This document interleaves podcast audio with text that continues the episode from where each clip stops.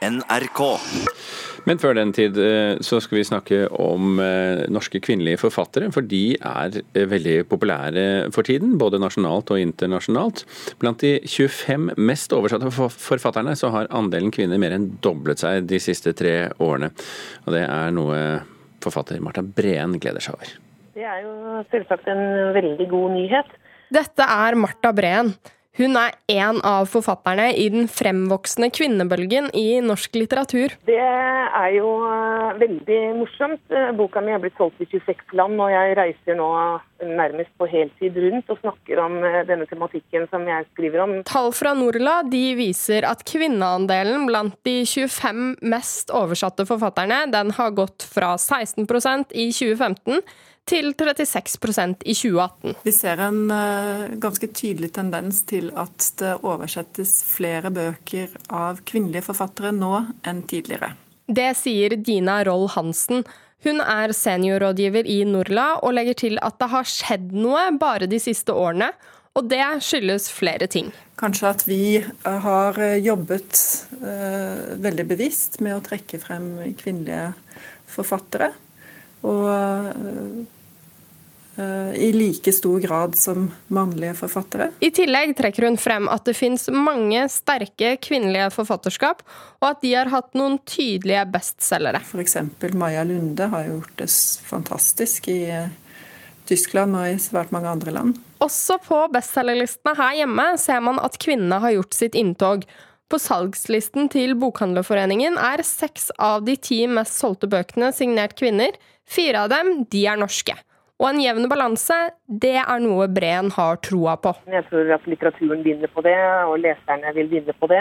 Hun tror også at kvinner tar opp andre spørsmål i sine bøker enn det menn gjør. For eksempel, kan man nevne bøker som Loppa Elstad sin bok som er en eh, aborthistorie eller eh, Marie Aubert, Linn Strømsborg, Monica Isakstuen. Dette er eh, kvinner som har skrevet Eh, bøker som jeg tror at man kanskje må være kvinne for å skrive. Og reporter her det var Maiken Svendsen og Knut Øyvind Hagen.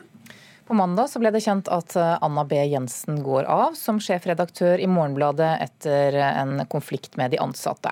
Konflikten den skjøt fart for alvor da de ansatte i september fikk beskjed om at avisen er nødt til å kutte åtte millioner eh, kroner. Og på tirsdag, dagen etter, så ble det klart at Sunn Heidi Sebø er konstituert ansvarlig redaktør og administrerende direktør i avisen. Og Sebø, gratulerer og velkommen til Nyhetsmorgen. Tusen takk. Du startet jo allerede på tirsdag eh, etter dette styremøtet. Hvordan har de første timene og par dagene vært? De har selvfølgelig vært eh, veldig hektiske, men så må jeg også få si at de har vært veldig, veldig fine. Ehm, det har vært veldig forløsende å se eh, mange av våre skribenter tilbake på jobb. Ehm, godt å se hvordan alle nå trøkker til for å gi ut avis i dag. Så jeg gleder meg til å gå på jobb og gi ut en veldig god 48 siders avis. Mm. Men eh, kravet til lønnsomhet og kutt, som vel var noe av årsaken da, til at Jensen måtte gå av, eh, den har jo ikke endret seg selv om dere skifter redaktør? Nei, det er fortsatt sånn at vi må selvfølgelig jobbe for lønnsomhet i vår virksomhet. Eh, men eh, nå opplever jeg at eh, det som har gjort denne prosessen ekstra vanskelig Det er krevende i seg selv å kjøre en sluttpakkeprosess og gjøre kutt, men i vårt tilfelle så ble det ekstra vanskelig fordi vi, det også lå en dyp mistillit mellom sjefredaktør og redaksjonen, og den klarte vi rett og slett ikke å løse. Mm. Så er det altså sånn at uh, flere av de mest, uh, eller flere profilerte journalister hos dere har tatt uh, sluttpakke. Hva er strategien nå for å få ting opp og stå igjen? Strategien den ligger fast. Vi skal ikke gjøre noen store endringer. Og jeg tror kanskje det viktigste jeg kan gjøre, er å bidra til arbeidsro. Sørge for at folk får, en, får trygge rammer og rett og slett kan slippe løs den, eh, de høye journalistiske ambisjonene som jeg vet at de har. Mm. Men Hva gjør disse kuttene med produktet? Vel, Det gjør ikke så mye. Vi leverer fantastisk avis uh, som vi skal sende i trykken i dag. Uh, og vi har veldig høye ambisjoner for hva vi også skal gjøre digitalt. Så nå gjelder det bare å samle troppene uh, og bli å legge gode planer for hvordan vi skal lage bedre innhold. Mm. Men dette med å satse mer digitalt, betyr det at dere også blir værende som ukeavis på papir, eller? Ja, det har vært planen hele veien. Mm. Hvordan er mulighetene digitalt, da? Hva ser dere for dere der? Det vi skal jobbe mye med, er å Det er ikke snakk om å øke volumet så mye. Det handler om å Vi skal bli enige om en bedre miks, eh, sånn at folk ser at når de kommer til morgenbladet.no, så finner de det samme innholdet som de gjør på papir. Vi må ta med oss den eh, faglige tyngden, skrivegleden, over på nett, sånn at det er helt gjenkjennelig for leserne at de nå er inne på morgenbladet.no. Mm. Men disse kuttene, du mener at de ikke kommer til å merkes? Det skal jeg ikke si. Men eh, nå har vi gjort mange av disse kuttene, og jeg er så utrolig glad for å ha eh, våre eksterne bidragsytere tilbake hos oss. Eh, det var mange som sa at de ikke ville levere så lenge denne konflikten pågikk, ikke sant? Ja, det var det. Og det gjorde det jo ekstra vanskelig, fordi uten dem, uten deres bidrag, så er det vanskelig å se for seg et Morgenbladet. Du har jo jobbet som journalist i Dagbladet i 14 år, før du startet i Morgenbladet i august i år. Eh, du er ganske ny akkurat i denne avisen. Er det en fordel eller en ulempe når du går inn i denne rollen nå? Det gjenstår å se, fordi, og det, jo, det er opp til de andre å bedømme. Men for meg har det vært veldig fint å komme til Morgenbladet. Uh, utrolig forfriskende å være et sted hvor man satser så tungt på fag og fordypning. Um, så jeg kjenner jo bare selv at jeg må skjerpe meg for, for å holde tritt med de ansatte. Så Lykke til, Sunn Heidi Sebbe, som er også konstituert ansvarlig redaktør og administrerende direktør i Morgenbladet. Tusen takk. I går ble det kjent at Cappelen Dam stanser boken til sjaman Durek Verrett 'Spirit Hacking'. Det førte til at han i natt langet ut mot kritikken i en direktesending på Instagram. Kulturreporter Mia Becker, hva kan du fortelle oss om eh, denne dramatikken nå?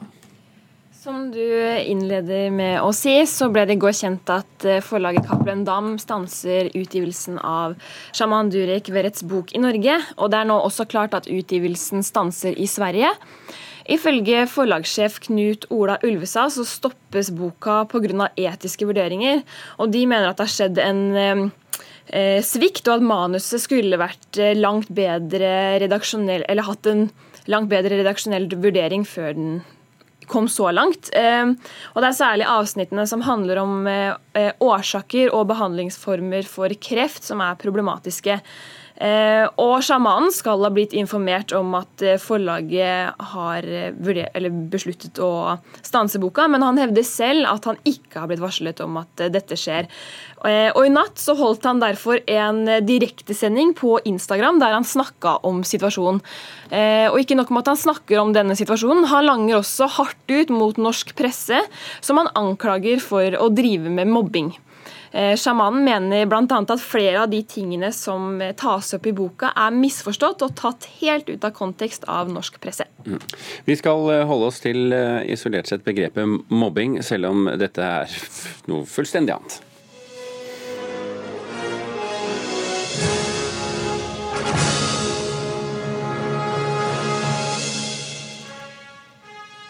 Folk som kjenner sin filmmusikk, kan høre at dette er fra Tilbake til fremtiden, Back to the Future.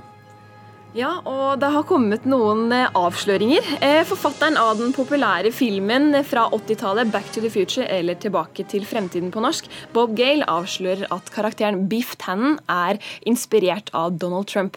Og det skriver altså da filmnettstedet NME. Eh, flere har påpekt likheten mellom Tannen og den amerikanske presidenten med sitt blonde hår, i tillegg, til at, eh, i tillegg til det man kan kalle aggressive og selvopptatte personlighetstrekk. Og nå innrømmer altså Gale at spekulasjonene har vært korrekte. Takk skal du ha, Mia Becker. Judy Garland, den lille jenta med den store stemmen, døde i 1969, men kan vel ikke akkurat kalles glemt. Hun fikk sitt store gjennombrudd i rollen som Dorothy i 'Trollmannen fra Os' i 1939, og nå kommer filmen 'Judy', basert på den siste tiden av livet hennes. Filmanmelder i Filmpolitiet i P3 her i NRK, Marte Hedenstad, god morgen. Morgen, morgen. Du har sett filmen. Hvilken side av Judy Garland er det vi møter i eh, denne filmen?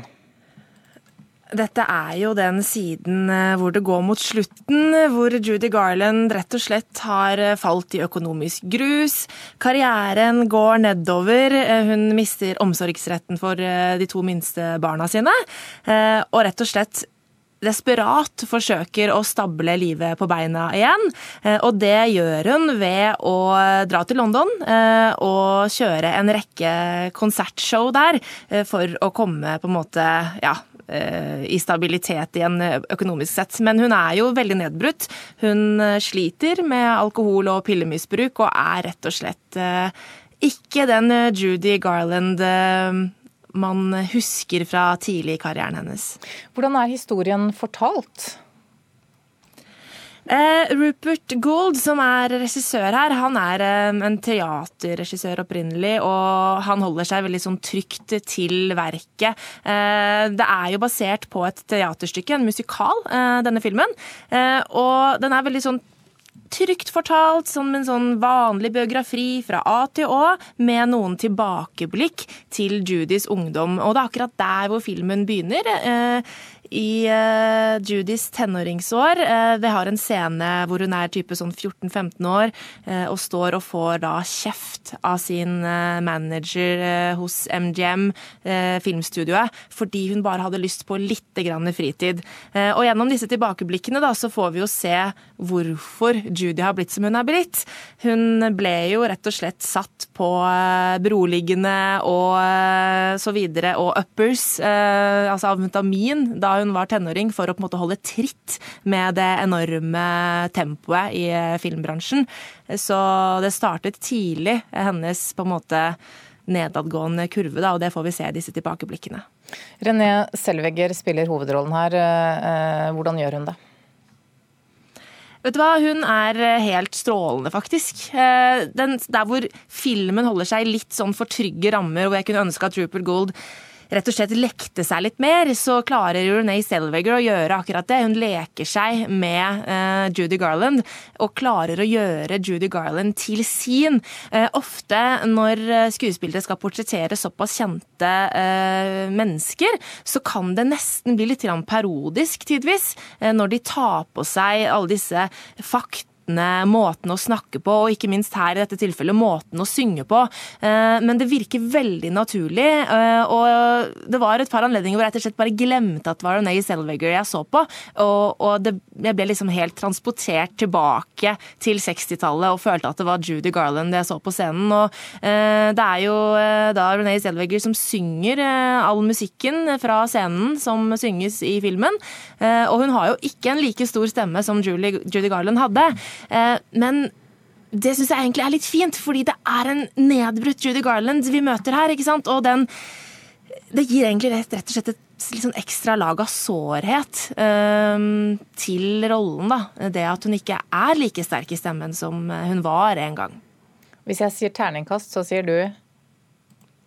Da sier jeg terningkast fire, og det er en anbefaling. Hvis du har et forhold til Judy Garland, så er det rett og slett bare å komme seg på kino. Takk skal du ha, Marte Hedenstad i Filmpolitiet i NRK P3.